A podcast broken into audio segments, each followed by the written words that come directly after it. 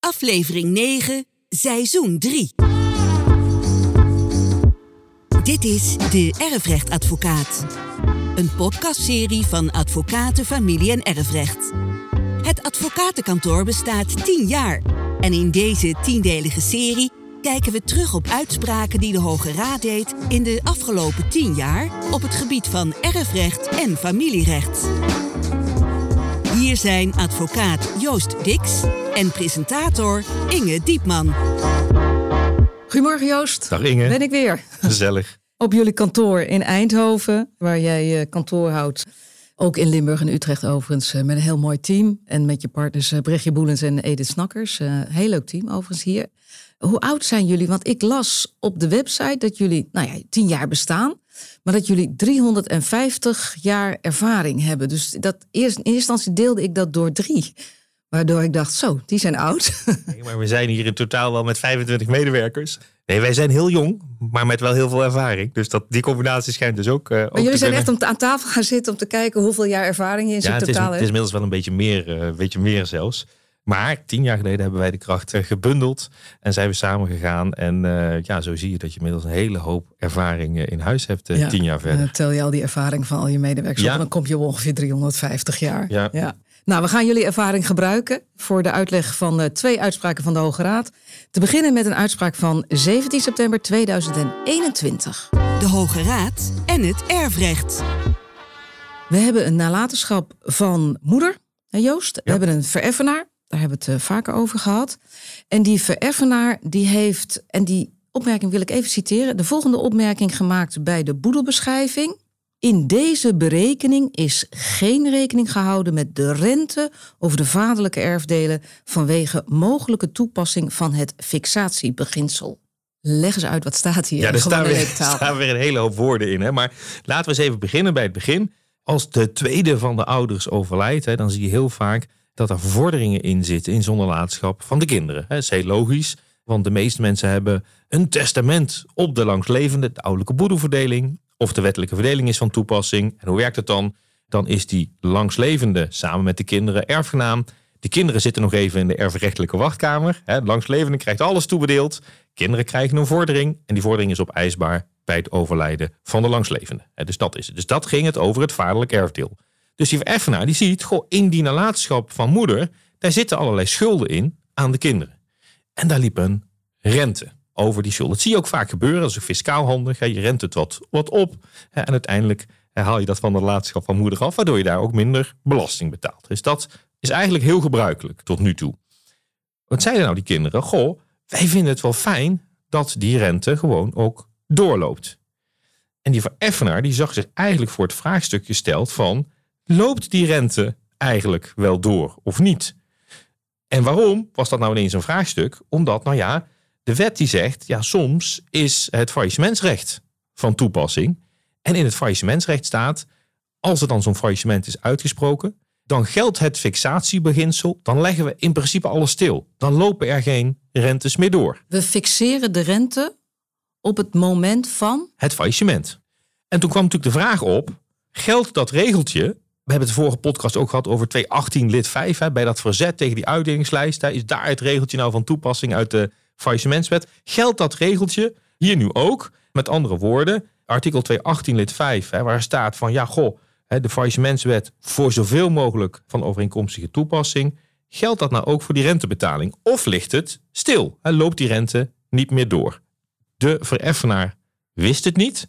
De vereffenaar kon het ook niet weten, om ja, we weten niet precies hoe dat regeltje uit zou pakken. Want wie heeft dit aanhangig gemaakt? Ja, dat is dus, uiteindelijk komt hij bij de Hoge Raad, omdat er prejudiciële vragen worden gesteld aan de Hoge Raad. Dus je kunt, als er een procedure loopt, dan kun je ook via de rechter tegen de Hoge Raad zeggen, goh, ik moet hier over iets oordelen waar nog nooit over geoordeeld is. Ik leg u eens prejudiciële vragen voor. En antwoordt u daar dan maar op, uh, beste Hoge Raad, dan kunnen wij weer verder met de procedure. Dus dat kan. Nog heel even praktisch en voor deze blonde dame die tegenover je zit. Op welke manier heb je er nou voor of nadeel van? Nou ja, kijk, met als, die jij, rente? als jij schuldeiser bent van de nalatenschap. Ja? En misschien loopt de vereffening wel drie jaar. Dan loopt jouw rente of door of hij stopt. Dus je kunt als schuldeiser zeggen, ik heb er best wel belang bij dat die rente doorloopt. Wat zei de Hoge Raad? Ja, de Hoge Raad die moest eigenlijk weer eens oordelen of dat uit beroemde artikellid, hè, 218 lid 5, moeten we Hij nu... is inmiddels wel beroemd gemaakt door jou. Ja, hè? Vorige podcast hadden we het ook over. Maar is het nou zo dat dat regeltje, we fixeren het in een faillissement, geldt dat nou ook, we fixeren het in een nalatenschap? En toen zei de Hoge Raad, ja, voor zoveel mogelijk. Ja, wat betekent dat nou eigenlijk? Ja, zei de Hoge Raad, ik, ik vind een faillissement toch nog weer eigenlijk iets anders dan een nalatenschap, dan een vereffening van een nalatenschap. Dus dat regeltje geldt dan toch weer niet in het erfrecht. Grappig hè? Dus bij dat verzet Ja. was het ineens van toepassing. En hier zei de Hoge Raad, nee hoor, het fixatiebeginsel is niet van toepassing. Heeft dat rechtelijk Nederland verrast? Nou ja, we volgen de literatuur eh, goed. We hebben zelf ook wel een mening eh, hier en daar eh, ergens eens over. Maar er was een aantal schrijvers wat wel verrast was. Een enkele schrijver ook niet. Maar ik snap wel dat de schrijvers verrast waren. Waarom? Want de Hoge Raad net in die vorige uitspraak zei van... nee, we moeten het juist voor zoveel mogelijk van overeenkomstige toepassing verklaren. En hier zei de Hoge Raad, nee, dat gaan we niet doen. Waarbij je nog allerlei discussies aan kunt gaan. Hè? Maakt het nog uit of het een positieve boedel is of een negatieve boedel? En, nou ja, de Hoge Raad zei ja, niet. Hè? Maar ja, je kunt ook als schrijver zeggen: ja, mijn positieve boedel moet je vergoeden, negatieve niet. Wanneer begint het te lopen? Wanneer stopt het bij overlijden, bij vereffening, bij beneficiaire aanvaarding? Hè? Bij een faillissement is duidelijk: hè? als het faillissement is uitgesproken, stopt die rente. Maar de Hoge Raad zei: zover komen we helemaal niet. Dat hele fixatiebeginsel is niet van toepassing. Heeft het jou verrast? Nou, in die zin heeft het mij verrast dat de Hoge Raad wel op zich een helder antwoord geeft op de vraag: het is niet van toepassing, maar een beetje in het midden laat van ja, waar laten we die rente dan? De Raad heeft het ook wel over het saldo. Het blijft nog een beetje vaag, dus ik verwacht wel dat eigenlijk nog weer een uitspraak van de Hoge Raad nodig is om het wat duidelijker eh, te maken. Maar goed, de Hoge Raad zegt tussen neus en lippen door wel even. Het salaris van de vereffenaar, die staat wel eh, heel hoog. Dus dat geven ze wel weer een beetje extra duidelijkheid over. Leg voor de lekers uit wat dat te maken heeft met die rente. Nou ja, kijk, dat zijn allerlei dingen die op die uitdelingslijst terechtkomen. Dus je kunt zeggen van, goh, dat salaris van die vereffenaar is ook een schuld. Een renteschuld is ook een schuld. Daar zegt de Hoge Raad nu ineens van, goh, dat wisten we eigenlijk al wel met z'n allen. Hè. Stond zo'n salaris van de vereffenaar, ik zeg wel een super preferente boedelschuld.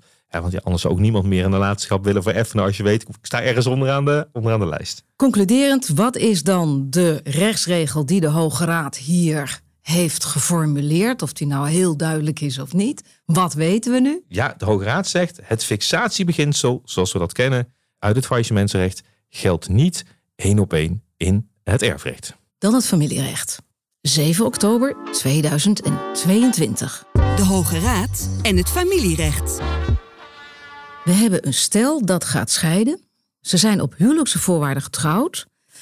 Maar ze hebben afgesproken dat als ze zouden gaan scheiden, dat ze dan doen alsof ze in gemeenschap van goederen zijn getrouwd. Joost, help. Ja, Ja, is- weet je, waarom zou je dat überhaupt doen? ja, het klinkt, klinkt heel exotisch. Er zijn heel veel gemaakte afspraken in huwelijksvoorwaarden. Leg eens even uit dan. Als, je het, als ik het zo lees, dan denk ik, gauw dan gewoon in gemeenschap van goederen. Dat klopt, dat zou je kunnen denken. Maar gemeenschap van goederen, dan hebben we het echt over eigendom. Dan worden de echte lieden samen eigenaar van alles. En bij een verrekenbeding, want we hebben het hier over een alsof beding. hè, We doen alsof we in gemeenschap van goederen gehuwd zijn. Dan verrekenen we in geld. Dus als jij dan bijvoorbeeld een huis hebt van een miljoen. En we zeggen we doen alsof we gemeenschap van goederen gehuwd zijn. Dan krijg ik niet ineens een half huis. Maar ik krijg vijf ton. Daar is technisch zit daar het. Dat is het Een verschil verschil. tussen afrekenen via een alsof beding of afrekenen binnen gemeenschap van goederen. Zo is het. En het feit dat je dit alsof beding opneemt in huwelijkse voorwaarden geeft ook wel aan dat je meerdere, neem ik aan, meerdere regels op die manier kunt opnemen in huwelijkse voorwaarden. Ja, je kunt in huwelijksvoorwaarden afwijken van wat de wet ons aan standaard aan setregels biedt. hè. Dus je mag daar allerlei afspraken maken in huwelijksvoorwaarden. Zoals? Ja. Je mag bijvoorbeeld ook afspreken, we gaan helemaal niet verrekenen met elkaar. We gaan geen inkomsten verrekenen. Iedereen houdt het zijne. Hè. Koude uitsluiting wordt dat wel eens genoemd. Hè. Dat mag je afspreken. Maar je mag ook afspreken. We hebben een beperkte huwelijksgoederengemeenschap. Je mag allerlei afspraken maken. Waar gaat het hier om? Dus wie stapt er naar de rechter met welke vraag? Voordat we bij de Hoge Raad terechtkomen. Ja, wat speelde er hier nu weer? Er was een, eh, die mevrouw die had een, een, bedrijfspand. En meneer die had geïnvesteerd in dat bedrijfspand. We hebben het weer over de vergoedingsrechten. Hè? We hebben het eerder over gehad. En toen kwam de vraag op. Zo'n alsof beding, alsof we in gemeenschap van goederen gehuwd zijn. Betekent dat nou dat we alleen maar op die manier verrekenen? Of betekent dat dat alle regeltjes die we kennen bij de huwelijksvoerdergemeenschap van toepassing zijn, bijvoorbeeld ook een beroep zouden kunnen doen op die vergoedingsrechten? Met andere woorden, hoe leg je dat nou uit bij dat alsof beding? Krijgen we alle regeltjes van de huwelijksvoerdergemeenschap, alle regeltjes die we in het burgerlijk wetboek kennen? Of zeggen we nee, we zijn alleen maar rekenkundig hier met elkaar bezig. En wat zou dat dan betekenen voor dat bedrijfspand? Dus die investering in dat bedrijfspand van zijn vrouw, die wil hij terug hebben. Die wil hij terug hebben. Hè? En als je nou zou kunnen zeggen van goh, een vergoedingsrecht, hè, want we hebben vorige keer over gehad, wanneer ontstaat dat nou? Hè? Als een van de partners met eigen middelen investeert hè, in het vermogen van de ander of in, of in gezamenlijk vermogen, dan zou je kunnen zeggen er ontstaat een vergoedingsrecht en dat geld moet dus terug naar een meneer in dit geval. En zou, zou deze man, uh, die kan dat misschien dus, hè, dat weten we zo, uh, beroepen op dat alsof beding? Of is er ook nog een andere mogelijkheid? Nou ja, kijk, de vraag kwam dus op van, goh, dat alsof beding, dat was helder dat iedereen zich daarop kon beroepen. We doen alsof we gemeenschap vergoeden gehuwd zijn. Maar zag dat nou eigenlijk alleen op de verrekening? Of zou je ook nog kunnen zeggen, nee, je mag je ook nog beroepen op de regeltjes van het vergoedingsrecht. Dat geld wat meneer geïnvesteerd had in dat bedrijfspand, moet eerst terug naar meneer. En het Hof had toen gezegd: nee, ik ga ervan uit, zei het Hof, dat aan meneer een vergoedingsrecht toekomt. Ik interpreteer de huwelijksvoorwaarden zo dat meneer dat vergoedingsrecht had. En toen de Hoge Raad, wat was het betoog van de vrouw overigens? Mevrouw zei nee, je moet de huwelijksvoorwaarden zo uitleggen, ook als je naar de andere bepalingen uit de huwelijksvoorwaarden kijkt, dat we dat helemaal nooit hebben willen afspreken. Dat was wat mevrouw had gezegd. Nou, wat zei de Hoge Raad over dit uh, alsof beding? Ja, de Hoge Raad die zei in ieder geval dat het Hof had moeten ingaan op het betoog van de vrouw. Dat standpunt waar uiteindelijk het Hof ermee vandoor gaat, er is een vergoedingsrecht, ja, dat dat zich helemaal niet verhoudt tot de rest van de huwelijksvoorwaarden. Dus met andere woorden, het Hof had beter in moeten gaan op de argumenten van mevrouw. En dus zei de Hoge Raad, ja, zoals we dat al vaak hebben gezien in deze serie, hè, ja, ik vernietig die uitspraak van het Hof.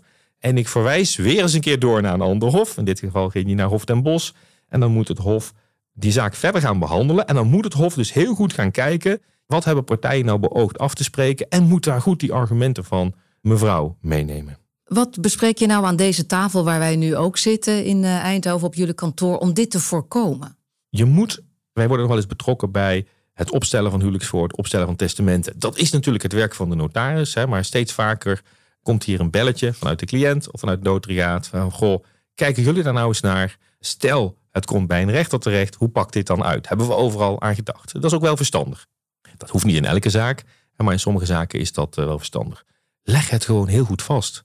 Wees duidelijk hè, in je huwelijksvoorwaarden. Wat bedoel je nu eigenlijk? En wat zeg jij dan over dat alsof beding tegen jouw cliëntelen?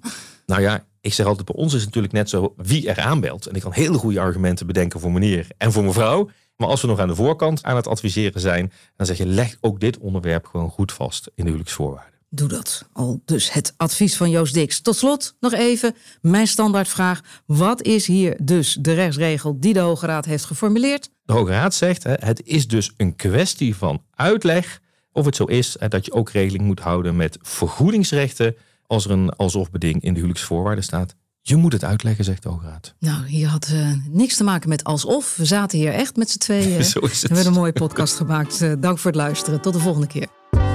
Dit was de Erfrechtadvocaat. Voor wie niet alleen wil luisteren, maar ook wil lezen over familie- en erfrecht, gaat naar familie-erfrecht.nl, de website van Advocaten Familie- en Erfrecht. Daar is ook alle informatie te vinden over het inschakelen van een erfrecht of familierechtadvocaat. Mocht u willen reageren op deze podcast, stuur dan een e-mail naar info@familie-erfrecht.nl.